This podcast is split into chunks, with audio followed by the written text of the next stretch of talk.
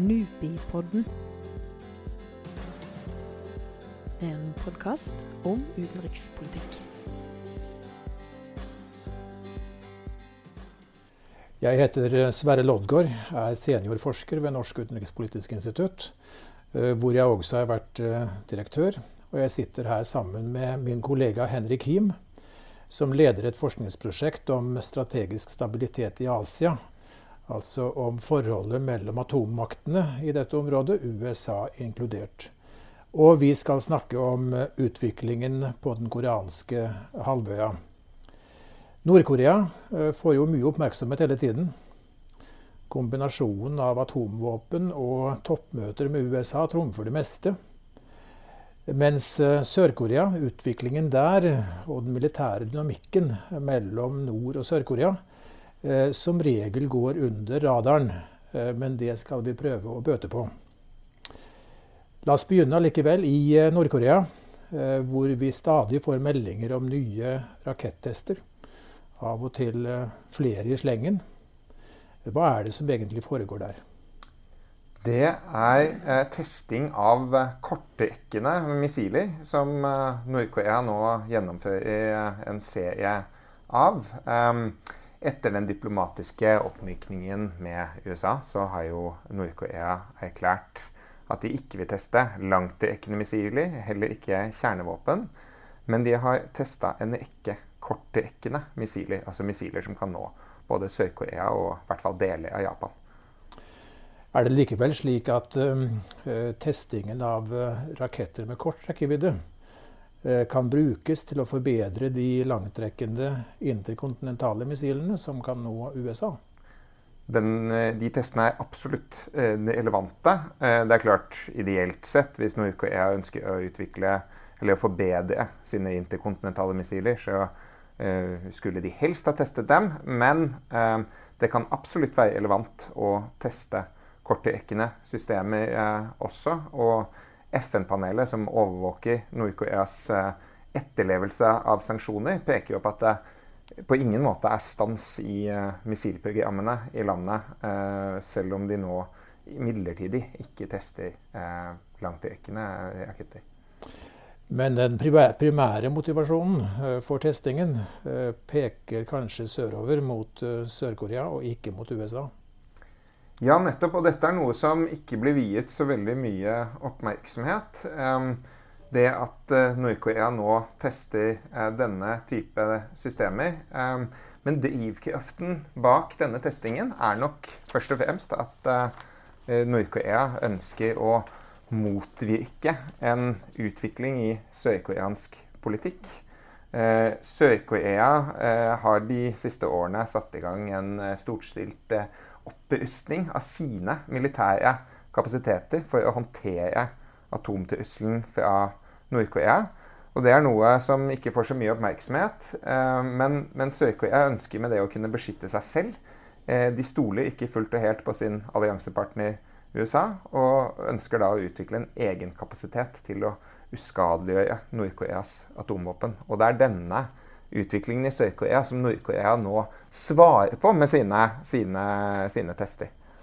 Så Sør-Korea prøver altså å eh, forsvare seg mot nordkoreanske atomvåpen ved hjelp av eh, egne konvensjonelle våpen? Det er, eh, det er riktig. Eh, Sør-Korea har kunngjort en plan. Eh, som kort fortalt går ut på å bruke konvensjonelle våpen til å forsøke å uskadeliggjøre eh, atomvåpnene til Nord-Korea dersom de ser for seg at eh, Nord-Korea er i ferd med å angripe. I tillegg så ønsker de da å utvikle eh, missilforsvarssystemer som kan eh, ta seg av de eh, rakettene som eventuelt måtte overleve og bli skutt i retning av eh, Sør-Korea. Um, den offensive delen, av denne planen har Sør-Korea kalt for kill chain. Um, nå som de diplomatiske forbindelsene mellom nord og sør er blitt bedre de siste årene, så snakker de ikke like høyt om denne planen, men den er i ferd med å bli rullet ut eh, i fullt tempo eh, likevel. Eh, Sør-Korea holder på å skaffe seg en hel rekke med avanserte konvensjonelle våpen, og på sikt så er målet å kunne eh, uskadeliggjøre Nord-Koreas atomvåpen uten å måtte eh, lene seg til USA. Og kanskje ramme lederskapet også? Det er en del av planen også. Ikke bare å kunne ta ut eh, atomvåpnene til Nord-Korea, men også i etterkant av et angrep å kunne drepe eh, nordkoreanske ledere. Eh, Tanken er jo da at det skal avskrekke Nord-Korea fra å angripe i, i utgangspunktet. Eh, denne evnen da altså til å, til å, kunne forsøke å rett og drepe lederskapet i, i, nord.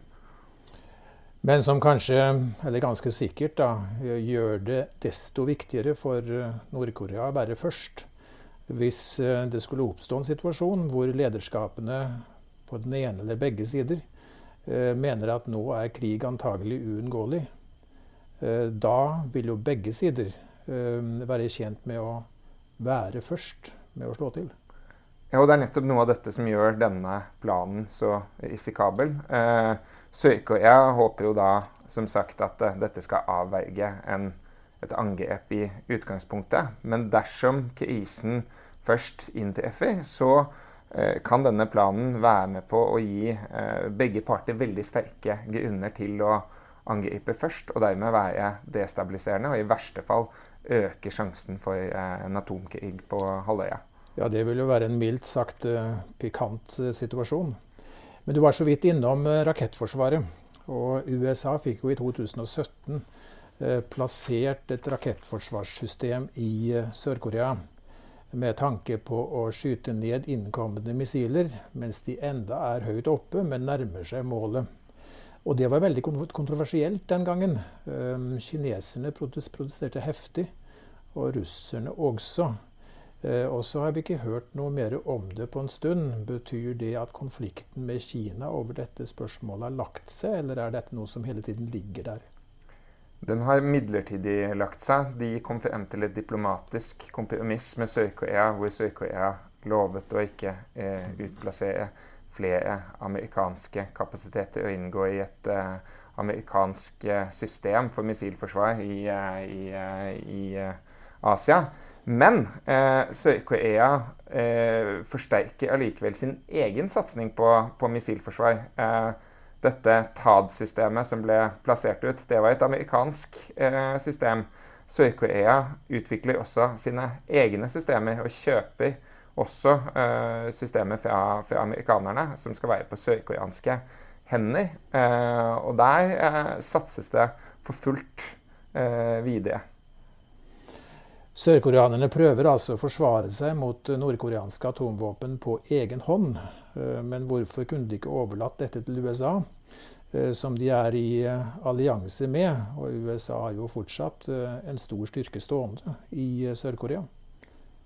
Det skyldes eh, nok at tilliten til eh, USA og til eh, sikkerhetsgarantiene er synkende til dels. Dette er et fenomen som selvfølgelig har tiltatt i styrke under Trump, men som går lenger tilbake i tid. Um, Sør-Korea har, særlig etter at Nord-Korea har utviklet en såpass omfattende et såpass omfattende atomprogram som det de, som det de nå har, um, ønsket å kunne være i stand til å forsvare seg uh, selv. Um, de ønsker samtidig, så langt i hvert fall, ikke å utvikle egne atomvåpen. Så da er dette alternativet som uh, sørkoreanske ledere mener at, de, mener at de har. Men når eh, det skorter på tillit til USA, eh, skyldes ikke det også at eh, Nord-Korea har demonstrert en evne til å sende raketter som kan nå amerikansk territorium? Selv om de kanskje ikke har evne til å levere et atomvåpen, så er det kanskje bare et spørsmål om tid. Rokker ikke det også ved troverdigheten til den amerikanske sikkerhetsgarantien? Jo, absolutt. Så dette dilemmaet som eh, USA og Sør-Korea står, står, ovenfor, eh, minner jo på mange måter om det klassiske kaldkrigsdilemmaet. Ville eh, USA byttet New York mot en europeisk hovedstad? Det er jo det mange i Sør-Korea nå spør seg om. Dersom Nord-Korea utvikler evnen til å nå USA med atomvåpen, kan man da stole på, på sikkerhetsgarantiene? Eh, det er nettopp denne, dette dilemmaet Sør-Korea også uh, langt på vei ønsker å, å motvirke ved å utvikle en egen kapasitet. Og Europeerne kommer jo aldri heller til noe sikkert svar på dette spørsmålet. Om USA, som de Gaulle sa, vil ofre Chicago for, for Paris. Ja, kanskje ja, men, men kanskje ikke. Og jeg skjønner godt at uh, nordkoreanerne, i den situasjonen de nå er, um, ikke finner å kunne lene seg tilbake og bare stole på, på USA. Men eh, hvis eh, det nå skulle komme til en særlig spent situasjon, og, og, det blir et spørsmål om å slå til først, hvordan tror du de to sidene forbereder seg på den typen situasjon? Vil de delegere myndighet? Eh, over bruken av våpnene. Nordkoreanerne over sine atomvåpen. Sør-Korea delegerer myndighet nedover rekkene eh, for å ta i bruk disse eh, presise, konvensjonelle høyhastighetsvåpnene. Det kan godt tenkes. Det vet vi ikke helt svaret på, men det er nærliggende å, å i hvert fall stille seg spørsmålet. fordi problemet som begge sider vil ha, er at de vil være nødt til å fatte en beslutning veldig raskt. Eh, det vil kanskje ikke gi tid på sørkoreansk side til å eh, bruke god tid sentralt på, på å fatte beslutninger. Isteden så vil man kanskje måtte delegere myndighet lenger ned i, i kjeden. Um, på nordkoreansk side så kan man si at behovet for å gjøre atomvåpenstyrken mer usårlig, uh, så vil det isolert sett gi mening å delegere beslutningsmyndighet, i hvert fall i en krise, til eh, man si, militært personell lenger ned i kjeden, sånn at man er sikker på at uh, atomvåpnene faktisk kan bli brukt før de, før de tas ut. Men, men, det er klart at dette vil jo skape enormt eh, med stress på begge sider i en krisesituasjon som kan skape misforståelser, lede til uhell. Um, det bare illustrerer hvorfor uh, denne planen som uh, Sør-Korea har, uh, om den er veldig forståelig, så leder den til en, en hel rekke dilemmaer som i, som, i, en krise kan føre til at, at denne konflikten blir enda mer farlig enn den ellers ville ha blitt. Dette at et land prøver å forsvare seg mot et eh, annet lands atomvåpen eh, ved hjelp av konvensjonelle eh, våpensystemer, er jo noe relativt nytt. Men Sør-Korea er neppe alene om å tenke slike tanker og gjøre slike ting. Ja, Man kan jo godt se for seg at Japan på sikt vil kunne vurdere noe lignende. Nå er jo Japan eh, pålagt, eller har pålagt seg selv, en del restriksjoner på utviklingen av eh, offensive våpensystemer. Men allikevel så er dette et uh, svar som, uh, som uh, man godt kan se for seg at Japan også vil kunne vurdere. Um, mer generelt så peker jo dette her på en um, utvikling som er um, urovekkende.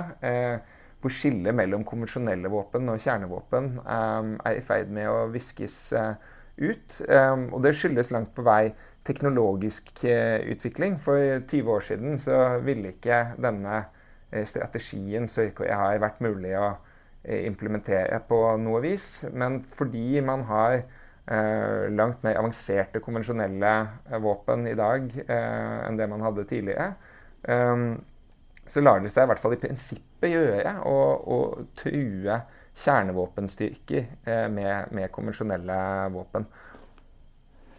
Eh, dette er også et spørsmål som henger i lufta eh, i Europa etter avviklingen av INF-avtalen. Hvis det skulle komme på tale f.eks. For, for Nato å utplassere nye missiler i Europa, så vil det, ifølge generalsekretæren, eventuelt dreie seg om konvensjonelle våpensystemer. Kanskje ikke så ulike som de som Sør-Korea Eh, satser på i, i, den situasjonen de er i. Eh, så vi snakker altså om et våpenkappløp i praksis mellom eh, Nord- og Sør-Korea. Det kunne jo vært dempet hvis det hadde vært framgang i det diplomatiske arbeidet, i forhandlingene mellom USA og Nord-Korea. Men det står vel helt i bero? Ja, der står det i stampe. Den positive vinklingen på dette, det er jo at så langt har i det minste verken USA eller Nord-Korea gjort noe for å rokke båten, endre status quo. Nord-Korea har ikke brutt med sitt eh, selverklærte moratorium på tester av langtrekkende missiler eller kjernevåpen, eh, f.eks. Men spørsmålet er jo hvor lenge dette kan vare. Eh, hvordan det vil se ut f.eks. etter presidentvalget i, eh, i uh, USA. Um, og uh, uten framgang så må man jo forvente at på et eller annet tidspunkt så, så vil dette diplomatiske initiativet uh, dø helt, uh, dø helt ut. Ja, De sa jo for en tid tilbake at det var i og for seg ikke noe grunn til å holde seg eh, til dette moratoriet lenger. Eh, fordi at eh, USA ikke har fulgt opp eh, med det diplomatiske sporet. Og Likevel så har de altså avstått inntil videre, og gjør vel kanskje det da til over det amerikanske presidentvalget i hvert fall. Ja, det kan se sånn ut. Men dette Sør-Koreas nye strategi peker på hvorfor det er viktig å, å få diplomatiet i gang. For på sikt, når dette våpenkappløpet mellom sør og nord tiltar, så blir det desto vanskeligere å løse Nord-Korea-konflikten. da er det ikke lenger bare USA og Nord-Korea som er Eh, de aktuelle aktørene. Det har det for så vidt eh, aldri vært. Men eh, for Nord-Koreas del så er trusselen fra Sør-Korea og deres konvensjonelle våpen i stadig sterkere grad noe som vil være en del av ligningen når man skal se på en diplomatisk løsning. Et siste spørsmål. på 70-tallet, 1970-tallet, prøvde jo Sør-Korea å anskaffe egne atomvåpen men USA presset dem til å la være. Eh, hvor, stå, hvor står det spørsmålet nå i Sør-Korea? Eh, hva sier f.eks. meningsmålingene? Hvor, hvor, aktuelt eller uaktuelt er det?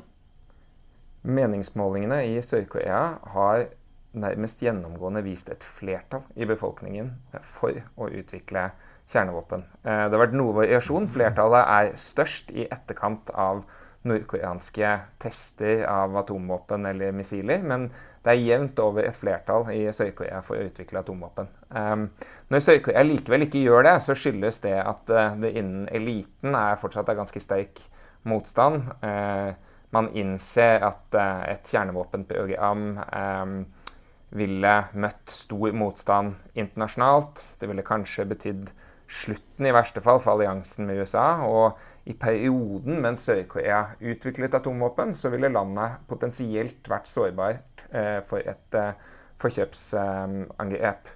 Eh, men det er klart at en del av de tingene Sør-Korea gjør nå, med å utvikle avanserte konvensjonelle våpen, gjør også landet potensielt bedre rustet til å utvikle kjernevåpen den dagen de eventuelt skulle se et behov for å gjøre det. Jeg vil nok tro at det først og fremst er dersom alliansen med USA faller helt sammen. Hvis den, hvis den skulle falle sammen, da eh, må man nok forvente at eh, mange i Sør-Korea vil eh, ta til orde for, for, å utvikle kjernevåpen. Men inntil videre så har de satt dette, dette, i bero. On that note, som det heter på fint, sier jeg masse takk til Henrik Hien.